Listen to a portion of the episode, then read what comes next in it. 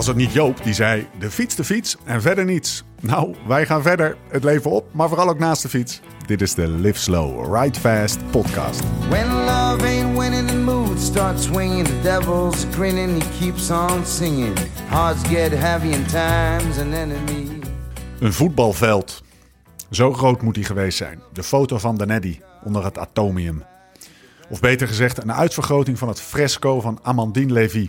Baron Eddie Merckx. In zijn iconische Molteni gele trui tegen die blauwe achtergrond. Maar weinigen hebben de maillot mooier gedragen dan hij. Tot dit weekend. Het historische weekend van 6 en 7 juli 2019.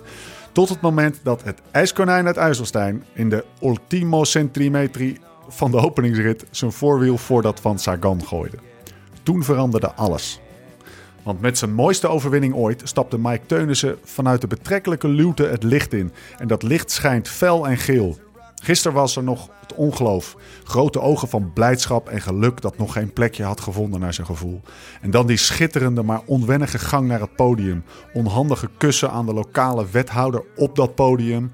Uh, Semi-joviale praatjes met poepoe, maar vooral die blik. Ongeloof, hoe dan? Maar vandaag was vandaag. De machine Jumbo-Visma chaste als een rallyploeg in zijn beste jaren door de straten van Brussel. Er stond geen maat op de mannen in het geel. En dat wist Teunissen ook. Dat voelde hij aan alles en elke vezel in zijn lichaam straalde dat uit. Tijdens het inrijden, tijdens de 26,6 kilometer lange race tegen de klok, maar vooral erna. De bijna ingetogen blijdschap van gisteren maakte plaats voor oud-Hollands oergeluk. Er werd geschreeuwd en gesprongen. Er waren innige omhelzingen en zoenen van geluk. De onwennigheid had plaatsgemaakt voor bravoer. Voor uitbundige blijdschap van een sportman die zich realiseert dat hij zijn finest hour beleeft. En zo werd de gang naar het podium weer gemaakt. Dit keer niet met een verbaasde blik van een renner die geen idee had waar hij naartoe moest. Dit keer met de vastberadenheid van een kampioen. Borst vooruit, kin omhoog, grote stappen en zijn armen wijd slingerend om zich heen. Als Conor McGregor in zijn beste jaren. Tegen Hancock verklapte hij een klein geheimpje. Hij zou het geel wel naar Parijs willen brengen. Gevolgd door een zelfverzekerd lachje. Geintje natuurlijk, maar hij maakte hem wel. Koning, keizer, kannibaal. Ons Mike pakte ze allemaal. Het is de hoogste tijd voor je Porsche Tour gebabbel. Ook dit jaar zijn we erbij. En ook dit jaar powered bij Futurum Shop. We zijn er om de paar dagen. De Tour van 2019. Mijn naam is Steven Bolt. En in Oostenrijk City, Laurens ten Dam.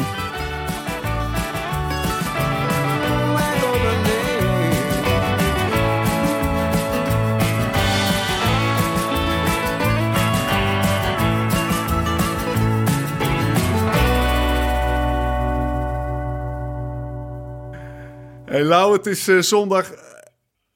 Het is zondag 7 juli. We gaan het zeker hebben over waar je zit. Uh, we gaan ja. het ook zeker hebben over die bizarre twee af, afgelopen twee dagen.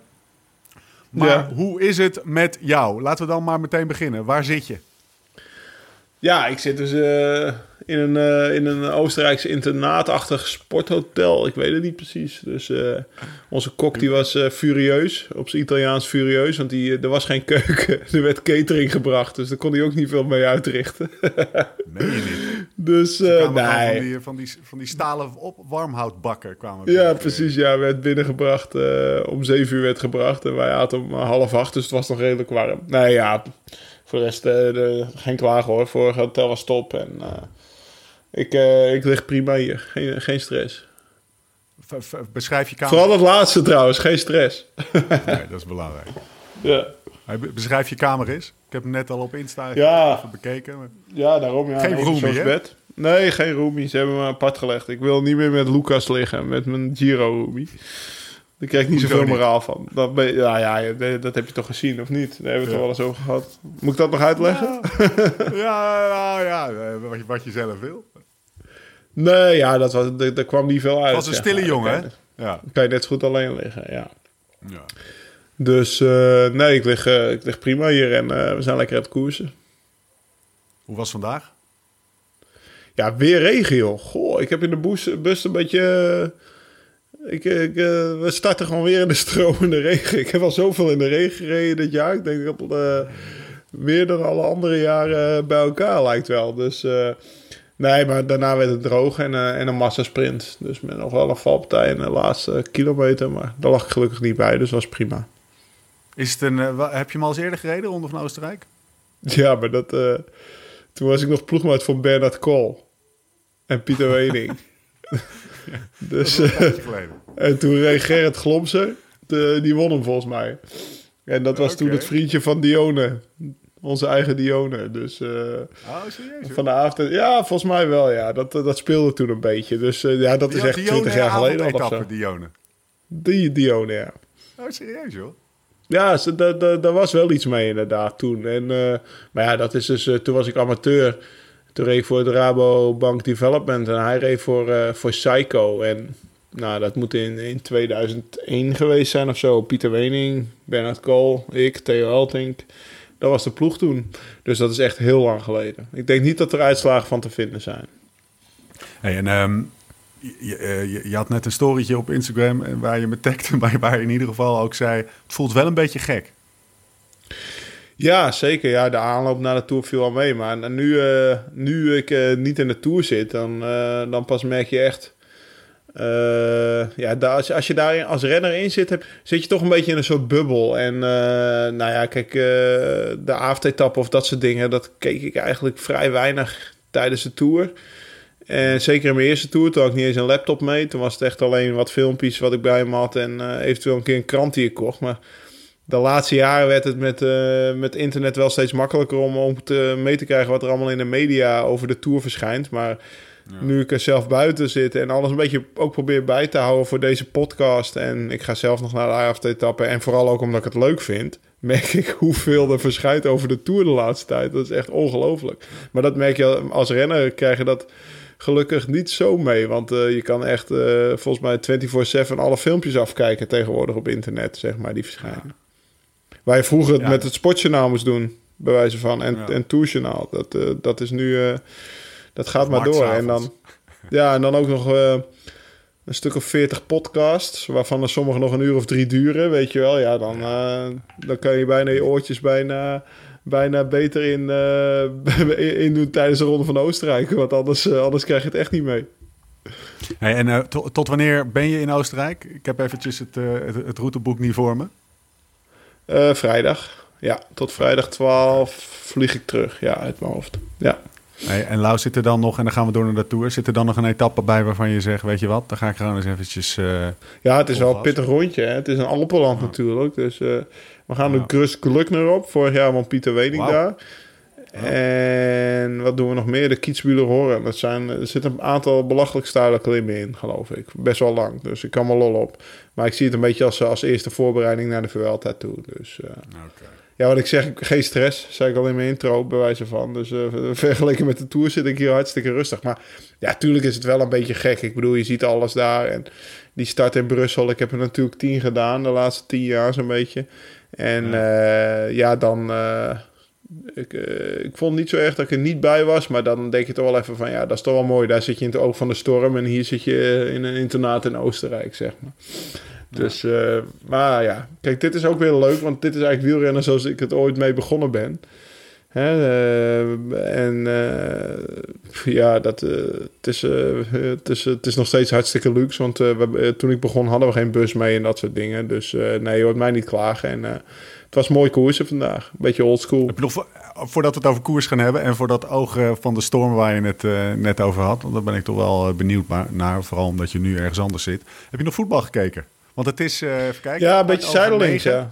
Tijdens de massage. Een beetje eh, zitten kijken. Maar toen ik, eh, toen ik eh, in het hotel aankwam en de tv aanzette, zeg maar, stond het al eh, 1-0 achter. Dus eh, eh, ja, en toen werd het op een gegeven moment 2-0. En ik heb vooral met Freddy mooi gehouden, zeg maar. Mooi. Freddy is Ja. mijn masseur hier. Oh, oké. Kijk. Kijk. Ja. Die, heb, die, eh, die, eh, die, is, die is gewoon eh, is mee. Heb je, is dan een vaste masseur of zo? Of niet? Hier, ja, ik word iedere dag door Freddy gemasseerd. Freddy, Freddy is van de goede verhalen. Freddy is tien jaar masseur van Armstrong geweest. Een aantal jaar masseur van VDB. Ik denk dat jij hebt toch die... we hadden toch met Sam in die laatste podcast over, over Ja, die documentaire over VDB. Ja.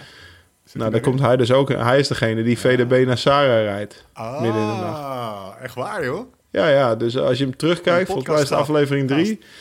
Ja. Dan, eh, dan zie je wie mij masseert hier. Dus die, ja, Armstrong, Bonen, eh, al die mannen. Hij is zelfs nog een paar maanden in de Formule 1 geweest. Ik denk dat we Freddy een keer moeten uitnodigen in de podcast. Maar dan, dan stopt hij ook niet na een uur, hoor. Dat is, die verhalen die die, eh, die, die, die man vertelt is ongelooflijk. Maar ik heb, Oh. ik heb me kapot gelachen met hem. Over, over podcasts die drie uur duren gesproken. Dat was een mooi avondje hè, met Sam. Ja, top. Eh nee, dag en na was top. Hebben we ook lekker eh rondje eh, kopje van Bloemendaal gedaan. En daar bovenop eh pannenkoekentent uitgetest. En toen eh, heb ik Sam op de trein gezet. Dus eh, ja, het waren twee topdagen voor ons. En eh, ja, jij was er een, een fantastische toevoeging tijdens de podcast. Want, eh, oh, daar moest ik je van Sam nog voor bedanken. Nou, bij deze. Hij vond het echt heel leuk. Dus eh, Ja, hij, hij, had, dit, hij zei aan het eind, dit was mooi. Dit was geen interview, dit was een mooi gesprek. Maar dat kwam ook vooral door hem hoor. En eh, ja, bij het ontbijt had hij het nog over dat, eh, dat, je, dat je allemaal hele goede vragen stelde. Maar dit, dit, dit ga, ik ga je niet te veel... eh, ik ga, ja, Dit moeten eruit, we, laat Jonne dit er maar uitknippen. Niet te veel veren in je kont steken. Maar eh, nee, nee, hij vond het echt top. Het was naar Kroon moeilijk te evenaren, want dat was ook al een topper. Maar volgens mij hebben we hem, hebben we hem toch geëvenaard. Het was, ik heb echt een hele fijne, Ja, fijne avond. nee, ik was heel blij met hoe het liep. En eh, ja, die drie uur vlogen voorbij eigenlijk. Hè? Als ik terugdijk, dat was... Ja. eh, ik zeg altijd, als het, toen ik de Van Toe, eh, zeg maar, die kom op de Van Toe pakte... Dat lijkt, als ik terugdenk, alsof ik tien seconden de Van Toe opreed. Zo zat ik in een flow. Maar dat was eigenlijk ook met Sam Omen zo. We gaan maar eens drie uur met elkaar praten. Hey. Ja, Als je elkaar niks te vertellen hebt, dan kijk je naar tien, tien minuutjes al op je, op je horloge, bij wijze van spreken. Dus Ja. Eh beetje net zoals met Freddy, daar gaat de massage van een uur vliegt ook voorbij. En eh, ja, deze podcast, ja, die, jeetje mina, drie uur, daar had ik echt niet door dat we zo lang aan het praten zaten, dat ik op dat apparaatje van Jonne keek. En eh, nou ja, dat is, eh, ik hoop dat hij tijdloos blijft, want daar wilde ik ook graag dat hij geknipt werd. Zeg maar, één is de tourvoorbeschouwing, twee is Sam. Want eh, ja, een tourvoorbeschouwing ga je over twee jaar niet nog een keer downloaden. Maar hè, ik, ik hoor van jou wel dat die van Nicky Terpstra bijvoorbeeld af en toe nog gedownload wordt. Of die van Tank. Ja, ik hoop dat dat met die van Sam ook gaat gebeuren. zelfs. Ja, maar ja, Ja. die kan je gewoon volgend jaar nog luisteren. Oké, nou mooi. Kijk er met veel plezier eh, op terug. We gaan het hebben over de Tour. Ja. Iedereen heeft het altijd over die stress en drukte in de Tour. En ehm, eh, jij, jij zit nu in Oostenrijk, in de betrekkelijke luwte, zullen we, zo maar, eh, zullen we maar zeggen. Wat is Ja. die... Wat maakt het nou zo stressvol voor jou? Of wat heeft het voor jou altijd zo stressvol of zo druk in ieder geval gemaakt? Eh, ja, ik kon er altijd wel redelijk goed mee omgaan. Dus, nou ja, kijk, alles ligt onder een vergrootglas, bij wijze van spreken. Alles is nieuws. En er zijn natuurlijk heel veel journalisten daar die allemaal moeten schrijven over de Tour. En die allemaal betaald worden om daarover te schrijven. Dus die gaan overal achterna. Dus dat is weer iets van druk. En dan heb je nog de koers zelf natuurlijk. Dat, ja, waar de belangen zo groot zijn dat er net iets later wordt geremd en net iets harder wordt gereden. Niemand gebruikt de Tour als voorbereidingskoers. Dus iedereen is op zijn best. Alle ploegen zijn top voorbereid. Alle, alle, alle ploegleiders weten waar iedere bocht ligt. Dus dat hoor je ook allemaal in je oortje. Dus daarom wil ook iedereen net op tijd vooraan zitten. Nou, een voorbeeld vandaag, joh, kon je de laatste drie kilometer nog zo makkelijk naar voren rijden. Zelfs ik. En ik heb tourritten gereden, eh massa sprints, dat je denk ik op 50 kilometer voor de meet al bij de eerste 20 moest zetten, anders kwam je niet meer van voren, zeg maar. Dus eh, ja, dat, Dus dat de geeft kern een van die stress zit hem, zit hem in hoe, hoe harder en hoe op de limiet er gereden wordt. Ja, en hoeveel vroeger je moet gaan beginnen met wringen. En dat is natuurlijk mentaal. Als je bijna 200 kilometer lang, nou ja, sowieso met al het publiek in je oren, 200 kilometer lang met tutende oren door een haag van mensen rijdt. eh, ja, dat doet wel wat met je, zeg maar. Je moet zo op en top gefocust zijn. En eh, dat is eigenlijk wat de grote stress is voor de, voor de, voor de renners. Is het, is het buiten eh, de ritten ook heel veel anders? Even afgezien van hoeveel pers je wel niet in je nek krijgt. Want dat is natuurlijk factor, factor 10 of zo in de, in de Tour. Hoeveel microfoons je onder je neus hebt Nou, kijk ook een voorbeeld. Ja, Nicky die vertelde me, volgens mij was er 32 man staf mee. van zijn ploeg. Ja, 32 man personeel. Ja, dat geeft ook maar weer aan dat, eh, hè, dat, dat is ook eh, wel anders dan hier met, eh, zoals we hier zitten met de één ronde tafel voor de renners en één ronde tafel voor de begeleiding voor ons. En eh, ja, dat. Maar wat is dat- er dan zo? Is, is er zoveel extra te doen dan tijdens de tour? Ja, nou ja, iedere renner daar heeft zijn eigen verzorger. Dus je hebt één verzorger per Oh. renner. Dus dan is de massage... wordt de massage zo geregeld dat, dat je maar één uur... Ja, dan wordt iedereen een uur gemasseerd, maar dan kan je toch vrij snel eten. Eh, volgens mij zijn er vijf mechaniekers, twee koks, drie persmannen, bij wijze van spreken. Alles is dubbel mee, lijkt wel. Dus eh, eh, ja, is er zoveel meer te doen. Ja, als er heel veel meer pers is, dan zal een persman toch heel wat meer te doen hebben dan hier in de Ronde van Oostenrijk, weet je. En ze willen gewoon alles 100% goed geregeld hebben. En daarom zijn er zoveel mensen mee. Maar het neemt niet weg dat het ook met een aantal man minder kan natuurlijk. Maar als je dat hele wagenpark al ziet, ze willen bijvoorbeeld ook meer bottle points, zoals je dat noemt, hebben. Dus meer bidonnenpunten, dat je niet veel snel... Bij wijze van spreken wil je de laatste 50 kilometer niet meer terug naar de auto moeten om een bidon te halen. Want ik zeg, eh, wat ik net zeg, ja, dan zitten ze vooraan al te wringen. Je krijgt je bidons nooit meer bij je kopman. Want ze laten je er ook niet meer langs. Want iedereen zegt, ja, als jij hier langskomt, dan eh, ben ik mijn plekje kwijt, weet je. Dus eh, ik heb wel eens ook... een- ik heb wel eens bidons proberen te halen in een, eh, in een sprintrit op 20 voor de meet, zeg maar. Dan mag het nog. Dus op 25 naar achter. Nou, ik kwam, ik kwam echt nooit meer bij mijn kopman, hoor. Niemand die me ermee langs reed. Dan rij je dan met acht bidons in het midden van het peloton service te roepen. En iedereen denkt, ja, dikke, dikke vinger. eh, jij gaat maar even achteraan Maar- rijden, zeg maar. Dat rijden, de- je, dat, je noemt even tussen deze lippen service, maar als je dan naar voren rijdt met je hele... Je hele Ja, als je naar voren rijdt met je hele hut vol, zeg maar. Ja, En je roept service, dan is een beetje de ongeschreven regel dat de renner dan aan de kant gaat. Je moet wel langs de kant naar voren rijden. ja. En dan, eh, als je dan service roept, dan gaat hij even, eh, zeg maar, 20 centimeter eh, naar links als je op de rechtse kant zit. En dan kan je daar langs. En zo kan je dan naar voren komen totdat je bij je ploegmaats bent. En dan kan je ze uitdelen. En dat is een soort ongeschreven regel in het peloton. Maar in de Tour wordt die opeens niet meer gevolgd, zeg maar. Op het laatst dan gaan ze echt niet meer opzij. Ik heb trouwens ook wel eens renners gezien die er, eh, die er misbruik van maakten. En daar weet ik ook echt woest op. Die dan bijvoorbeeld de bidon die, die, die hadden helemaal geen... ja, die hadden de bidon eh, hadden ze uit een eh, bidonhouder, deden ze in de nek en dan deden ze net alsof ze bidons aan het voren waren. Maar ja, ik zeg ja, nou moet je gauw mee stoppen, want ja, dan zijn die ongeschreven regels ook niks meer waard natuurlijk. Nee. Dus, ja. Dus eh, Ja. nou ja, als iemand daar misbruik van maakt, dat onthoud je voor altijd. En als je diezelfde stem nog een keer achter je hoort zeus roepen, dan kijk je even om en als hij het dan is, dan denk je van, eh, nou ja, zoek het lekker uit. Ik dacht het even niet. Ja, Hey, het is de Tour van Eddie, hè? Blauw. ja En Eddie. nou ja, en Mike, maar eh, inderdaad, Eddie. Ja, zeker. Mike gaan we het toch over hebben. Wat is jouw Eddie-herinnering? Ja, ik, eh, ik ben vorig jaar met hem in de eh, vorig jaar na de tour ben ik eh, Ja, in Parijs nog. in Parijs met hem op de foto gegaan. Ja, Benny Keulen kwam ik ermee tegen. En hij kende Benny Keulen ook heel goed, want die hadden nog samen gekoerst. En ik zei, ja, ik, ik, ben, ik, ik sta eigenlijk met heel weinig mensen samen op de foto. Dat ik hem zelf heb gemaakt. Ik sta met heel veel mensen op de foto, maar met weinig dat het van mij uitkwam. Maar met Eddie wilde ik toch wel heel graag op de foto. Dus die heb ik ook op mijn telefoon staan. Mijn enige selfie, denk ik, die op mijn telefoon staat, is met Eddie. Ja, dat is natuurlijk ja, de grootste renner aller tijden. Ik zag die foto eh, van hem eh, vanmiddag. Dat die, eh, ja, dat die mega foto, die, dan, die ze dan, dat, dat die uitvergroting van het schilderij, wat ik in mijn intro gebruikte, wat ze onder het atomium hebben gelegd. Ja, dat is echt een klassieke. Hij had ook echt een kop, hè. Zoals die in, eh, Ja, in ja. eh, Sunday in Hell komt aanrijden, zo, in zijn pak, hè. Ja, ja met zijn pak en drie fietsen achterop. Dat waren wel mannetjes vroeger hoor. Die hadden, Ja, echt, hè. die hadden klasse. Ja, ja, ja, ja, ja, zeker weten. En Eddie was, eh, Eddie was er ook een, zeker weten. De Vlaming had je dan natuurlijk. En, en Eddie. En Maartens was wat meer een, een boer in die film, zeg maar. Ja, Maar eh, Eddie, die, eh, die had wel ook een beetje de Italiaanse klasse al. ja. Hij lijkt een beetje op Tom, of niet? klassieker. Nou, ontzettend. Ik heb wel eens een foto. eh, ja, ze lijken echt onwijs op elkaar. Vooral als eh, Tom moet eigenlijk zijn sideburns even laten staan. Dan is hij helemaal. hè? Hij is, En er zijn echt aan. foto's dat ze echt onwijs op elkaar lijken. Ja.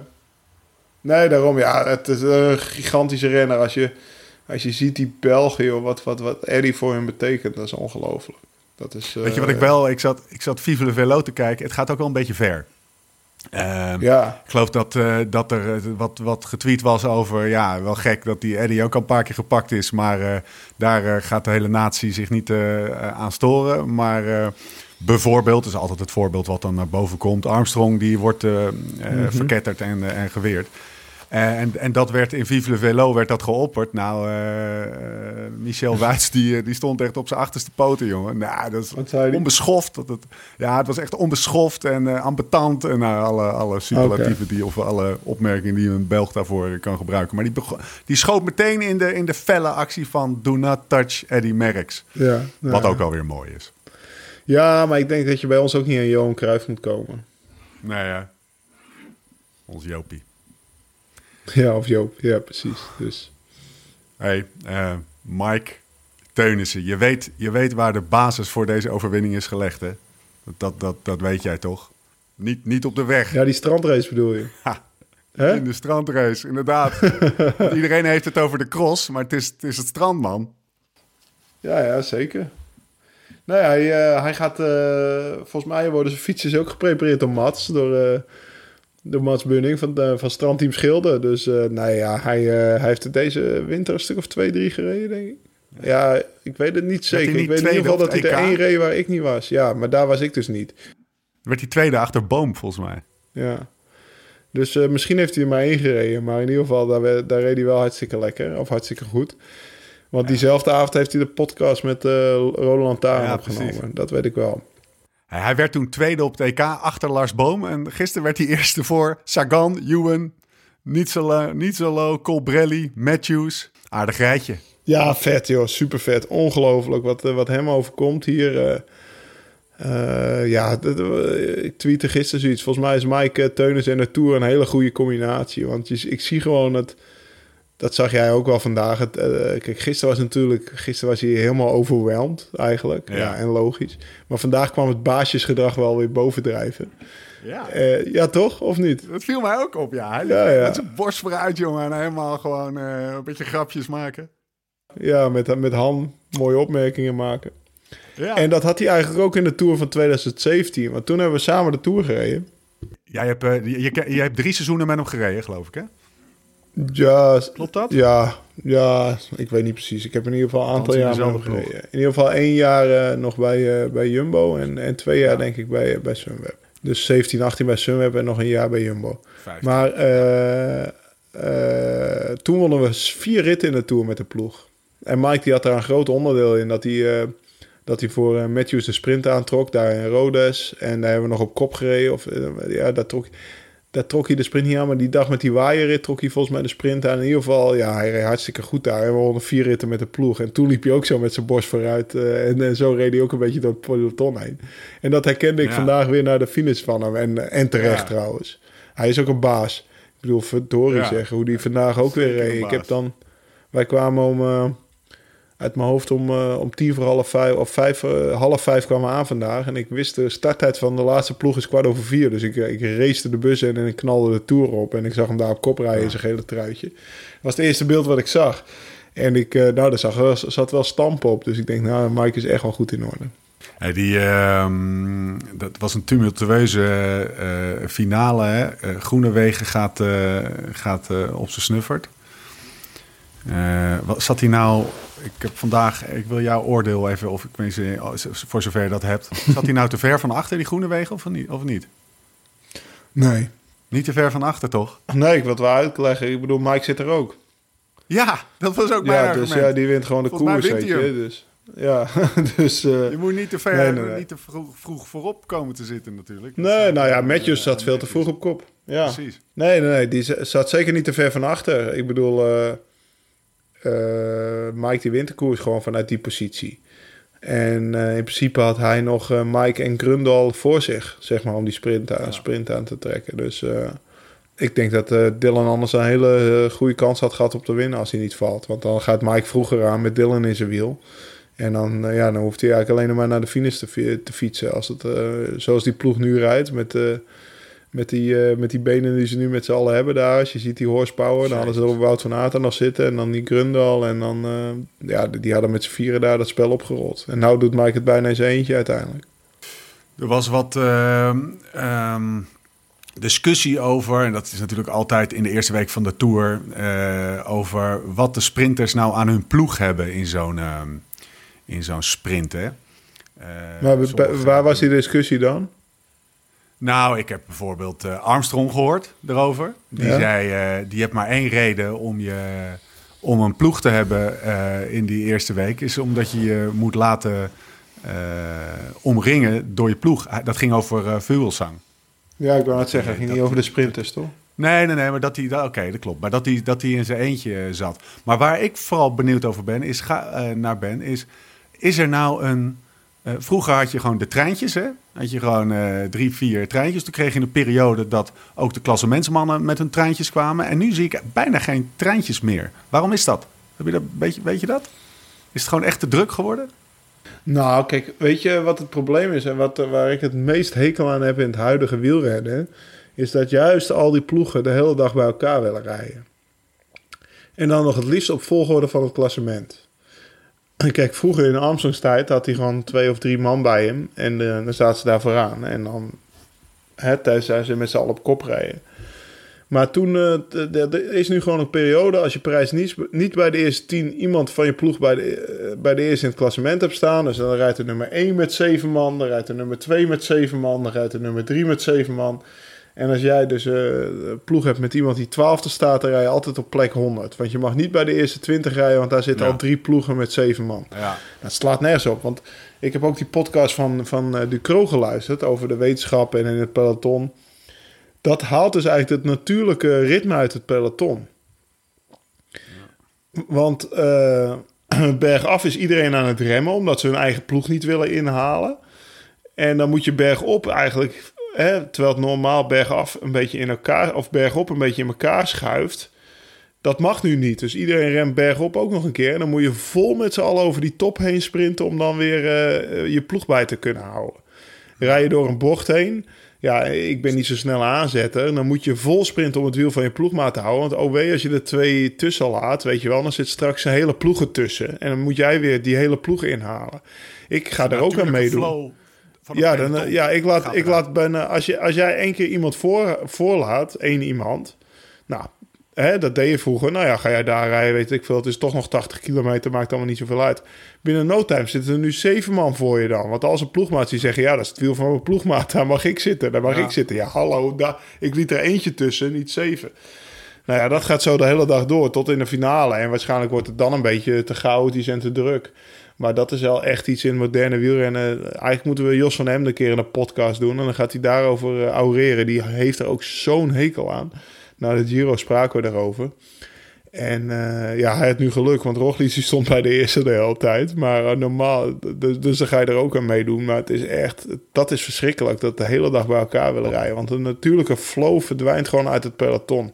Ja. Omdat je niet 170 eenlingen hebt die om elkaar heen cirkelen, maar eigenlijk 21 zeventallen. Ja, dat, dat, dat, dat, dat, dat cirkelt gewoon wat minder makkelijk dan uh, 170 ja. eenlingen, zeg maar. En dat levert dus gevaarlijke situaties op. Ja, ja, de, ja, en, het, ja, en gewoon irritatie. Of, of gewoon, ja, precies. Ja, weet je, ja. dat, uh, soms laat ik er wel eens eentje tussen halverwege. En dan zie je hem echt zo heel verschrikt opkijken van... wat gebeurt me nou? Dat is dan een jonge renner. En dan, ja, ik rij hier al 16 jaar, weet je wel. Vroeger deden we dat gewoon. Dus, uh, dan zie je hem echt heel verschrikt kijken van... ik word er zomaar tussen gelaten, weet je wel. Oh, wat, uh, hoe kan dat? Weet je, ja, dat, dat is gewoon... zoals het eigenlijk in het peloton zou moeten werken, denk ik.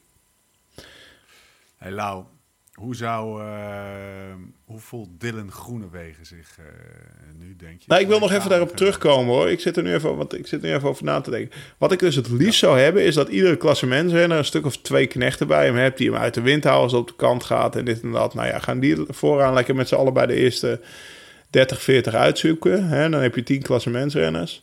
En dan kan de rest erachter gewoon uh, lekker een beetje babbelen ook, bij wijze van spreken. In plaats van altijd met je eigen ploeg babbelen. Dus uh, dat, je, dat je, zou wat mij betreft de beste opleiding. koppeltjes van drie. Ja, bij wijze van. Zo. Kijk, nu, uh, nu, je praat ook bijna niet meer in het peloton. Want je rijdt altijd samen met je ploegmaat, weet je. Vroeger, dat ik bij Unibet rijd, dan ouwehoerde ik de halve dag met Bram Tankink, weet je. Maar dat, dat zit er nu bijna niet meer in. Ja. Ja. En Bram die reed dan voor Quickstep, zeg maar. Dat je ja. even... ja. ja, precies. Toen hij niet bij jou in de ploeg zat. Nee. Klinkt als een utopie. Ja, daarom. Nee, maar dat, eh, dat is ook de druk en alle. En dat is een beetje ingekomen ook, ook het tweede jaar dat Armstrong terugkwam. Toen Armstrong terugkwam in 2009. Toen merkte ik dat opeens dat ik dacht van... wat is hier aan de hand in de ronde van Castille Leon? Begon dat al, zeg maar. Want vroeger was Dat het ook eigenlijk alleen in de Tour... dat ze dat zo deden. En nu doen ze het hele jaar door, zeg maar. Dus wat dat betreft is er qua stress iets minder veranderd. Behalve dat in de Tour echt op 50, 60 kilometer voor de meter... echt die finale al begint. Ik denk dat we morgen bijvoorbeeld veel valpartijen gaan krijgen. Ja? Een lastige finale, bergop, bergaf, met veel smalle weggetjes. Veel publiek langs de kant. Ik denk dat je morgen eh, meer valpartijen gaat zien dan de eerste dag. Hoe, ehm, die pakken we zo nog eventjes, die, die vooruitblik op morgen. Nog even terug naar mijn vraag, waar ik nog even over na zat te denken. Ik ben met Dylan Groenewegen bezig. Hè, Ja. Die gozer die, die staat helemaal eh, strak om, eh, om te gaan doen wat hij zou moeten doen. Namelijk het geel binnenhalen, gaat op zijn plaat. Ehm, en zijn, zijn, zijn kamergenoot, die, eh, die, eh, die pakt de overwinning, beleeft zijn finest hour. Hoe, hoe, ken je hem? Ken je de Groenewegen een beetje? Eh, nee, ja, een heel klein beetje. Gewoon van in het peloton hoi doe je. gewoon, we praten altijd wel vriendelijk, maar het is niet dat ik een keer een avond met hem heb zitten barbecuen of zo. Zeg maar. Hij zit in ieder geval onder de schaafwonden. Ja, dat, dat denk ik wel, ja. ja, ja. Ik, ik heb ze niet gezien, eerlijk gezegd. Want hij Ja, wilde volgens mij niet dat ze gefilmd werden. Nee, precies. Stond een foto op wielenflits. Er werd niet echt eh, in dank afgenomen dat hij dat... eh, dat, hij dat eh, is dat wat, wat, wat is het effect van zo'n zo'n die Ja, ja, kijk, als Ja, dat hangt er vanaf eh hoe goed hij ermee om. Het is natuurlijk nooit lekker. En ik weet ook niet hoeveel het zijn. En hij is dit jaar al een paar keer vaker hard gevallen, geloof ik. En een Stes LM nog. Dat hij zei, ja, ik heb in, in vier nachten tijd zeven uur geslapen. Dat is natuurlijk helemaal niet ideaal. En ik hoop niet dat dat nu ook zo is. Dus dat gaat zeker energie wegpakken. En eh, ja, ik hoop dat dat zo... Hè, ik hoop niet dat ze gaan ontsteken en dat soort dingen van hem. Maar eh, ja, wat voor hem gewoon lastig is... is dat hij wil natuurlijk heel graag het geel winnen pakken. En dat is zeg maar weer niet gelukt. Want vorig jaar was denk ik de eerste rit ook een eh, sprint. Uit mijn hoofd. Fontenelle Conte. Ja, je hebt gelijk. Gaviria won. Ja, precies. Eh, nee, dat, dat was ook een, een kans, zeg maar, voor me. Dat is weer niet gelukt. En nu pakt dan eh Mike het van, van, van, van ja, zijn kamergenoot hem. Maar ehm, sowieso, Dylan is een winnaar. Je zag heel duidelijk dat hij echt heel teleurgesteld was gisteren. Maar eh, dat geeft ook wel aan eh, wat ik zeg, het is een winnaar. Ik denk wel dat hij zijn ritjes nog gaat pakken deze Tour. Daar ben ik helemaal niet bang voor. Die ploeg, eh, hij heeft nu al twee jaar op rij uh, massasprints gewonnen in de Tour. Een hartstikke goede renner. En, eh, en die gaat ze zeker nog wel pakken deze Tour. En ehm, ik denk dat hij hartstikke getergd is. Dat was hij vorig jaar ook eh, na de eerste paar ritten. En toen won hij er ook nog een aantal. Dus eh, we mogen hem zeker nog verwachten. Ik hoop dat die schaafwonden meevallen. En eh, ja, het is gewoon... Het is gewoon een ventje wat... Dat, dat is zoals ik, eh, zoals ik hem ken. Hij is echt voor niks en niemand bang. Ik, eh, ik zag hem voor het eerst in het criterium van Wateringen. Want het is, eh, hij reed toen voor Van Vliet. Of eh, wat was het? Ja. De Rijke. De, voor, de naloper van, eh, van Vliet, zeg maar.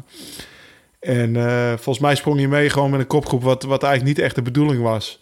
En daar had hij gewoon dikke scheid aan. En toen dacht ik wel, wat is dat voor veetje, weet je wel? Dat propie. Maar eh, je ziet maar dat hij toen... eh, toen was hij 18, 19 jaar. En toen, de, toen wilde hij al eh, de Ronde van Wateringen winnen voor eigen publiek. En... eh, en eh, ja, dat, dat geeft wel aan dat het, er zit vuur in. En dat gaat er deze Tour echt nog wel uitkomen. Absoluut. Absoluut. Kijk er naar uit. We gaan het over de, de, de, de. Even genoeg over de eerste etappe. Vandaag ging er nog een schepje bovenop. Gaan we zo bespreken. Maar eerst pakken we een momentje om met wat luisteraarsvragen wat te doen. Shortcut van de dag, Lau. Luisteraarsvragen over spullen. Mr. Fu- Futurum Shop gaan proberen te beantwoorden. Altijd gelul over de koers. We zijn op zich naar de shortcuts. Die vragen kun je Ja. ons overigens ook, eh, ook eh, stellen. Via de bekende kanalen, Twitter en Instagram en zo. Maar nu ook via de... Tess heeft een mooie eh, e-mailaccount voor ons aangemaakt. Podcast at liveslowridefast.com. Dus stuur ze, stuur ze op. Hè. Er was nooit ruimte, maar nu wel. Ehm, en de volgende vraag gaat van luisteraar Erik Wild over cremmetjes en zo. Een vriend van mij koers en heeft allemaal cremmetjes en lotions in zijn kast staan. Ik niet. Wat raad je me aan om aan te schaffen, Lau? De wielrenner en zijn cremmetjes en zijn lotionnetjes en zijn... Ja, nou daar heb je goede aan me nu. Ik lig dus op de kamer eh, ik word dus gemerenseerd door Freddy, Freddy Vianen. Ja. En die heeft altijd, eh, die had vroeger altijd, en nu nog steeds, maakt hij speciaal voor de ploeg nog zijn eigen startolie. En dat heet Freddy's Choice. Startolie. Ja, startolie. Dat is zeg maar wat je voor de start op je benen doet. En dat heeft, Ja. hij, voor, dat, dat heeft hij ontwikkeld. Dat is ooit zelfs lijn geweest van Sportsbalm. En, die zijn, en eh, Freddy's Choice, dat was het spul wat je moest hebben. Want eh, als, als nieuweling en junior al. Want is- dat, de, hij heeft me zijn geheim verklapt. Ik ga het niet verklappen op de podcast. Maar er zit, er zit iets in waardoor je benen bruiner lijken. Yes. VDB-stijl. Ja, VDB-stijl. En ook, eh, ook eh, Tom Bonen moest het altijd op zijn benen hebben, vertelde Freddy.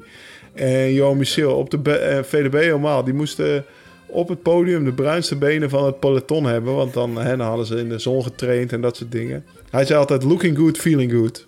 Hè? Looking good is feeling good. Dat is, is zeg maar zijn slogan. En ja, Freddy's Choice, dat is echt volgens mij legendarisch in het profpeloton. En dat is dan... Sportsbalm heeft dat overgepakt.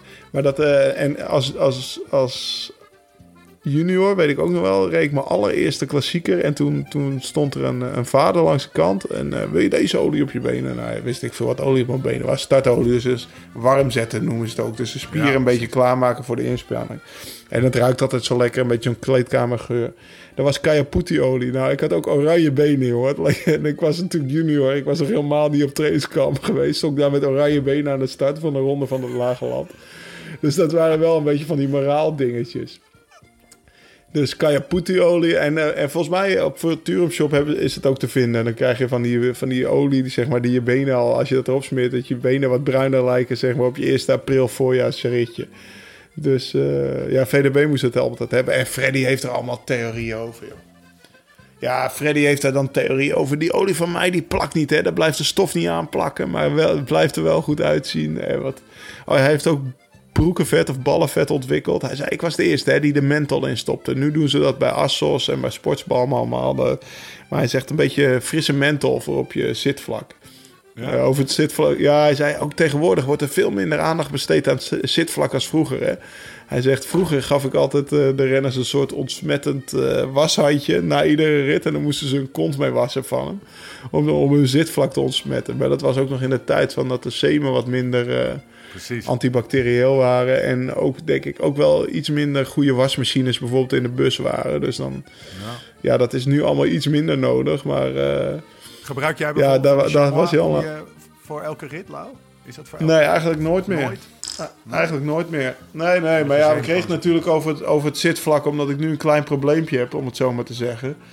En eh, daarom was hij erover bezig. Dat ik, eh, dus hij, hij, hij zei, ja, ik heb nog wel ontsmettings, eh, een washandje met ontsmettingsmiddel. Ik zal het je zo brengen. Dus eh, dat kwam hij dan doen na de massage. Mooi, dus het is een schot in de roos. Nou, denk je, Ja. Erik? Ja, Freddy heeft eh verhalen hoor. Eh, als, je vra- als je vraagt Oh, over olie, hebben, dan eh, gaat hij... ja, die moeten we hebben in de podcast. Zeker weten. Nou, check uh, futurumshop.nl slash live slow ride fast als je nog meer weetjes en tips en informatie Ja. wil. En natuurlijk eh, ook eh, spullen die je nodig Er hebt. bestaat Gebruik- olie voor bruine benen. Hartstikke klaats. Mr. Shortcut. Hoef je niet op trainingskamp, Ja, hoef je niet naar de dat- dat zonnebank. je ja, dat is toch een shortcut, of niet? Ja, het is een Zelfs- shortcut. je- ja, oké, het is een shortcut. Je hebt gelijk, je hebt gelijk. Hey, en mocht je nou iets anders nodig hebben, vind je er ook nog een code voor een mooie korting. Speciaal voor luisteraars van de podcast. Je krijgt 10 euro korting op een bestelling vanaf 75 euro. Genoeg over eh zelfbruinende cremmetjes en chamois creams. Door met de show. Etappe 2. Wat waren ze sterk, hè? Die mannen. Ja, niet Wat een normaal, klasse apart. What the Oei, fuck, oei, ja. Als je ziet, hè, de uitslag, hè. Want ik had natuurlijk... Ja, ik heb alleen maar de laatste kwartiertje gezien en daarna... een beetje de uitslag gecheckt. Maar tussen nummer 1 en 2 zit 20 seconden. Ja. Maar tussen nummer 2 en 10 zit ook 20 seconden. Dus het zit super dicht op elkaar. En Ja. daarna heb je Jumbo-Visma, bam, die nog even... Ja, ongelooflijk. Ik sprak ook Pinotti erover, over CCC. Ik zei, nou, we hebben toch wel een decente ploegentijdrit gereden. Hij zegt, ja, maar het verschil tussen nummer 1 en 2... daar begon hij zelf ook direct over. Dat was ongelooflijk. Dus ja. ja, één grote machine die daar eh, naar de... Naar de ook, ook geen cadeau voor Dylan trouwens. Dan ben je gisteren gevallen en dan, eh, dan word je in... eh, in een ploegstop die 20 seconden rijdt, harder rijdt Ja. dan de rest. Ja, dat is ook, niet, dat is ook geen cadeau. Kijk jij nou op een andere manier naar een ploegentijdrit eh, eh, als, als, als profrenner, zeg maar? Waar let je op als je naar een ploeg, ploegentijdrit kijkt? Ja, ik weet natuurlijk niet of ik anders kijk dan, dan, dan jij. Want ik weet niet hoe jij kijkt, maar... Waar let je op? Ik weet wel wat pijn... Nou, kijk, let ik op? Vooral vroeger zag je ze bijvoorbeeld sneller ronddraaien. Nu zie je weer die langere beurten terugkomen. Je ziet wie langere beurten doet, wie niet. Eh, wanneer ze met hun handen uit de beugel gaan of in de beugel blijven zitten, zeg maar.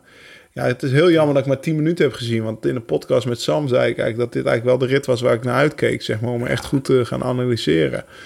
En eh, ik ben bijvoorbeeld Sam heel benieuwd. Ik wil, ik wil eigenlijk beelden zien van Aasje de Zer en Movistar. Hoe die bij wijze van spreken gestart zijn. Hè, want die verloren geloof ik 1 minuut nog wat. Hè? We hebben het over tussen nummer 1 en 22 seconden. Movistar, 1 minuut 5. Gasten bij de 17e. Ja, en Aasje de Zer, 1.15 uit mijn hoofd. Ik weet niet zeker. Trek. Ja, hoe zijn die... 1.19, 19e. Ja. Ja, zijn die net zo agressief gestart? Weet je, dat soort dingen. Dat wil ik eigenlijk zou ik, eh, zou ik een goede samenvatting moeten zien. Maar dat zijn dingen waar ik naar kijk. Ja. Ehm, eh, CCC, dus, eh, CCC dus echt goed, hè, Lau? Zevende op 31 seconden. ja, nou beter dan die ploegen die je net opnieuw noemde in ieder geval. Ik weet niet wat ze zelf eh, hadden gehoopt, eerlijk gezegd. Maar eh, in ieder geval, eh, ja, ze, ze hadden de ploeg wel een beetje erop ingericht namelijk. Dus eh, in ieder geval een decente ploegentijdrit. Alleen Mike Teunissen staat toch gewoon 41 seconden voor nu. Op Greg. Ja. ja. Ja, waar, waar, waar gaat hij? Kijk, goed? als je toch als je voor het gele trui gaat, dan, eh, dan is, zijn dat wel eh, een aantal seconden te veel, zeg maar. Ondertussen de, de, het algemeen klassement erbij te pakken. En ehm, eh, onze vriendelijke vriend eh, Steven Kruiswijk heeft ook goede zaken gedaan hoor. Die staat nu derde. Ja, die heeft al een mooi gat. Naar Egan. Heb je dat? eh, ja, nou ja, kijk, eh, als je naar Egan gaat kijken wel, maar dan kijk je echt om de Tour te winnen natuurlijk. Maar als je voor het podium gaat kijken op al die mannen van Quintana, Valverde, Bardet-achtige, dan staat hij echt ver voor. Dus dat is top. Ja. ja, echt hele goede zaken gedaan. Ik heb jou nog dat eh, artikeltje in het nieuwsblad hè, over, over die eh ploegentijdrit. Ik heb daar allemaal vragen over, maar die gaan we allemaal niet beantwoorden. Maar eentje wel. Zijn die signalen die je bij een ploegen... Heb jij al een ploegentijdrit bij CCC gereden trouwens? Nee, nee, in de Vuelta normaal gezien. Ah. Maar zijn die signalen die je hebt, zijn die bij de ene ploeg nou anders dan... eh, bij CCC bijvoorbeeld anders dan bij Sunweb? Of eh, moet dat nog blijken Nee. als je erop gaat nee, trainen? dat is eigenlijk allemaal wel hetzelfde, eerlijk gezegd. Ja? Dus eh, in principe weet iedereen nu wel zo'n beetje wat de snelste manier is. Ik heb eigenlijk tussen, tussen Jumbo, CCC en Sunweb niet zo heel veel verschillen meer ge- gezien en gevoeld in hoe we die tijdritten voorbereiden. Nou, Spinotti lijkt ook wel heel erg op Heiboer qua methodische aanpak, weet je. ja. En bij Sunweb is het natuurlijk ook vrij methodisch. Ik zat toevallig de, de podcast ook van Armstrong eh, te luisteren. En eh, die had het over, over, de, over de warming-up. En die van ons is eigenlijk vrijwel hetzelfde als die vorig jaar bij Sunweb. Dus dat is wel heel grappig eh, hoe dat is eh, uitgekristalliseerd, zeg maar. Dat we gewoon allemaal een, ongeveer dezelfde, dezelfde warming-up doen. Ja. En dat, dat is de, hoe lang is die warming-up? En er zit een aantal je, je soort eh, ramp-up zit erin. Hè? Dus je bouwt, je bouwt het langzaam op, toch? Wat is de gedachte achter? Ja. Dat is de gedachte erachter. Nou, wat Armstrong zei, vroeger zaten we er een uur op. En eh, ik heb ook wel eens warming-up zo'n drie kwartier op de rollen gedaan. En dus 25 minuten erop en eraf, weet je. En dan, eh, ja, inderdaad, eh, vijf minuten heel rustig fietsen. En dan acht minuten opbouwen tot aan je omslagpunt. Uit mijn hoofd, hè, dit even snel. En dan twee minuten rustig. Dan nog een minuut echt flink erboven, zeg maar. En dan, dan weer een paar minuten rustig. En dan nog wat sprintjes. En dan is het klaar, zeg maar.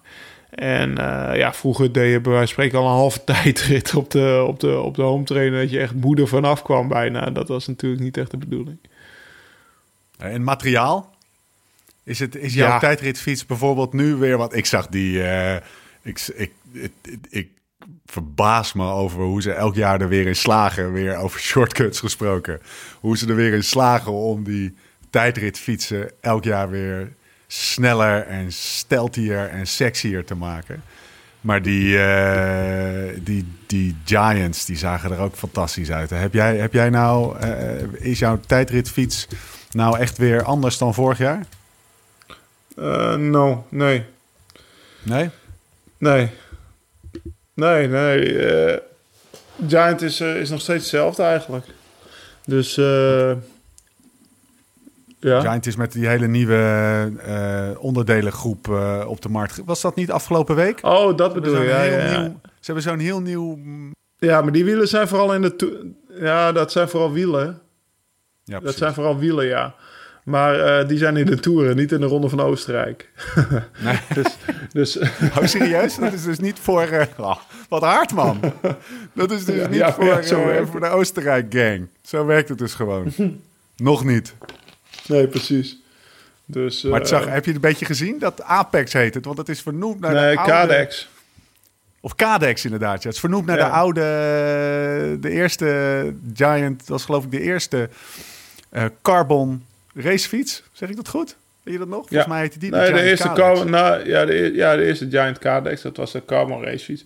Dus ja, vet, vette shit, zeg maar. Ik vroeg wat is... eh ik, ik rij al met Giant wielen, maar nu gaan het... eh, alles wordt zeg maar omgezet naar Cadex.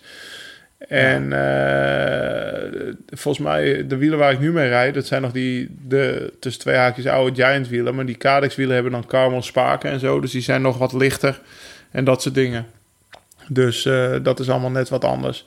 Maar eh, het het, niet. het tijdrit frame is hetzelfde gewoon. Hè? Dat blijft gewoon Giant. Maar die Cadex wielen, die zijn allemaal weer wat lichter. Iets meer carbon, zeg maar. Twee dingen nog. Over de, over de tijd. Ja, want we zouden Heel- op 40 minuten houden Ja, en we zitten al op 50.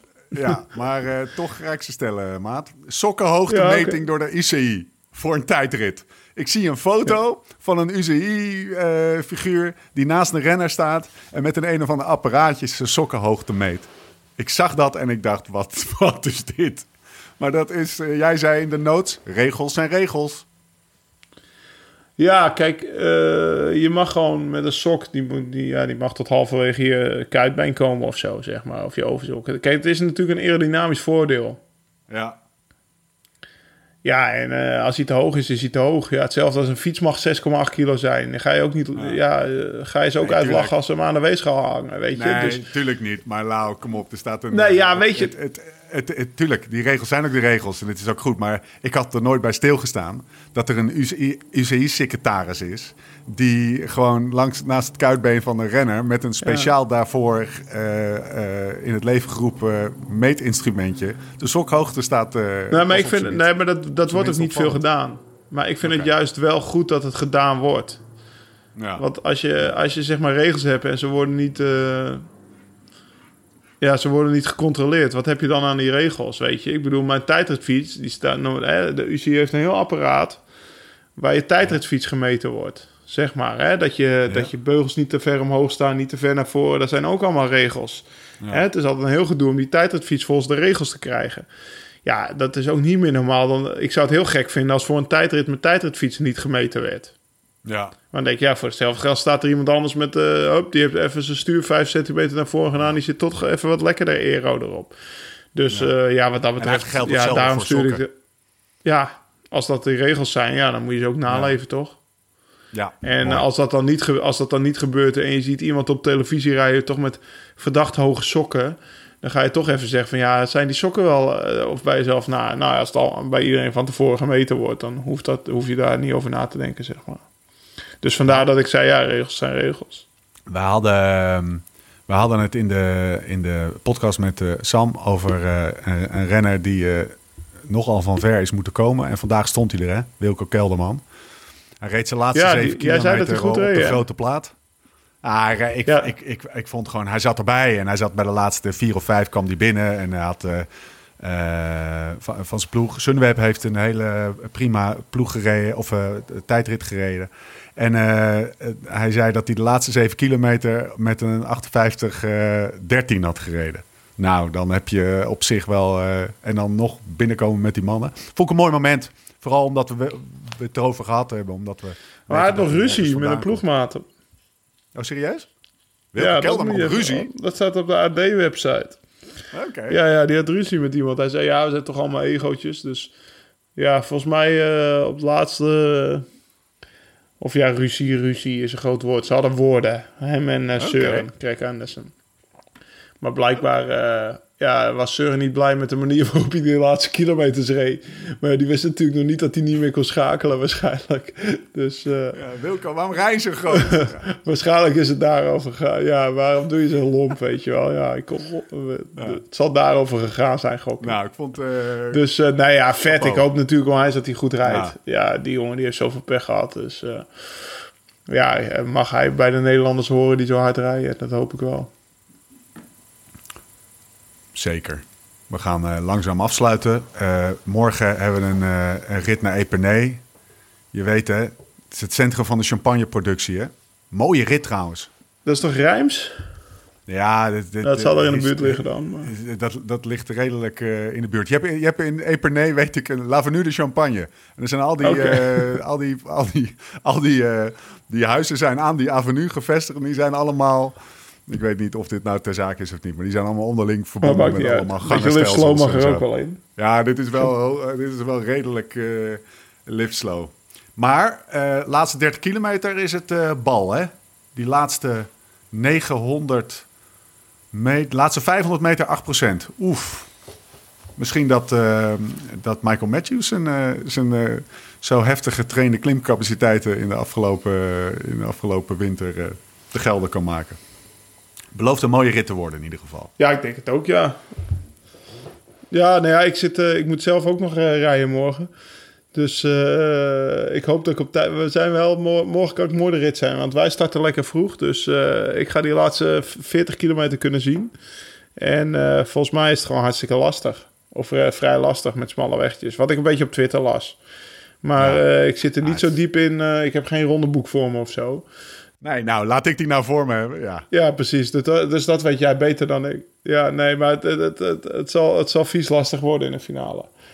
En eh, niet voor Dylan, denk ik. Ik denk niet voor nee, Dylan. dat denk ik ook niet. Nee, het zal eh, Greg eh, Matthews... dus als ze de drie op rij willen winnen, dan is het of Mike of Wout van Aert. Ze hebben meerdere Ja. eisen in Ze vliegen, hè? Dus het zou zomaar kunnen. Ehm, berichtje van een luisteraar nog. Ik stuurde hem vandaag door. Ik moest er erg om lachen. Jeroen Habets. Eerst wil ik even kwijt dat ik jullie podcast super vind. Als ik het goed begrepen heb, heeft Laurens nooit Parijs-Roubaix gereden. Dat is toch een gemis? Volgens mij vinden jullie dat ook. Is het een idee, omdat het eind van Laurens' profbestaan is, er toch aan zit te komen... om bij een team te tekenen waar je kunt voorbereiden op Parijs-Roubaix... en dat het dan je laatste race is? Lijkt me super vet. En nu het belangrijkste. Er zijn er trouwens nog rugnummers te ruil. Ik heb een Latrap Oaked Age Badge 33 voor terug. Oef. Beter heb jij nog een rugnummer. Ik heb zeker nog wel een rugnummer. maar eh, Parijs-Roubaix zit er niet in. eh, nee, nee, nee, dat denk ik niet. Nee. Nee, dus, eh, maar in ieder geval, ja, nee, tuurlijk eh, zou ik hem graag een keer gereden hebben. Maar als het niet is, is het niet, zeg maar. Dus ik, ik ga daar niet eh, mezelf... Ja, ik weet niet in welke ploeg moet je dan... eh, hè, die zeker is van een wildcard en dat soort dingen. Dat is ook nog wel apart. Ik ga, me ik ga geen Andrea Taffi worden. Chris Zwart, laatste opmerking. Twijfelde, die- die stuurde een mooi, eh, mooi berichtje, ook via de mail. Twijfelend, naar aanleiding van de, van de podcast met Sam. Twijfelend stond ik voor de bierwand in de Albert Heijn. Zoals vaker wist ik niet welke lekkernij ik moest kiezen. Ik moest denken aan Sam Oma. Ook zo'n twijfelaar, vertelde hij zelf. Maar wacht eens, welk bier dronk Sam nou zo graag? Dankzij, zoveelste, dankzij de zoveelste rete goede podcast. Maar jongens, deze was echt tof. Liep ik even later met een tevreden grijns en een fles La Trap quadruppel richting mijn fiets. Goed, va- goed verhaal. Ja, dat is mooi. Punt Dat is mooi. op de, Ja, op de, op de live slow. eh. vet. Ja. Sixpackje. Nee, zo'n... Die ene fles die ik had, zo'n mooie literfles. Mooi. Oh, die, ja. Heerlijk. Oké. Oké mensen, we gaan, hem, eh, we gaan hem afsluiten. Ga even langs futurumshop.nl slash live slow ride fast voor tips en uitleg. Interessante weetjes rondom verzorgingsproducten. En voor een kortingscode waarmee je 10 euro korting op een besteding van 75 euro krijgt. Mooie volzin. Rectificaties niet. Recensies hebben we al een beetje gedaan. Mocht je... Mocht Ja, het is na tien, hè. Van mij moet je niet veel meer verwachten, Nee, dat weet ik wel. Ja, ik, weet je dat ik serieus net op mijn klokje keek, dacht ik na tien. Ah nee, dan moeten we echt gaan afsluiten. Dan, eh, dan, eh, dan gaat hij in hibernation mode. Eh, maar we gaan ook echt afsluiten. Mocht je vragen of opmerkingen hebben, schroom dan niet. Per mail beschikbaar dus, hè, mensen. Podcast at liveslowridefast.com. Ehm, even kijken. Morgen dus. Hoe laat start je? 11 uur. 11 uur. Nou, wens je succes, jongen. Ik zal aan je denken. Oké, Ik ga, ik, ga de, goed. ik, ga de ticker in de gaten, ik ga de ticker in de gaten houden. Wij spreken elkaar donderdag weer. La Planche oei, oei, oei, oei. Daar kijk ik naar uit. We zijn er doorheen, Lau. Hibernation mode is ingezet. Aflevering. Ja, zeker weten. Beetje, beetje, de, beetje de vraag of... eh, of eh, gelukkig ben ik, ben ik nog scherp. Of het nou 36 of 37 is. Maar laten we deze 37 noemen. Dan is Sam 36. Oké. Dus we zijn er doorheen. Aflevering 37. Tot de volgende keer. Hoe dan ook, waar dan ook. En voor de tussentijd. Live slow, ride fast.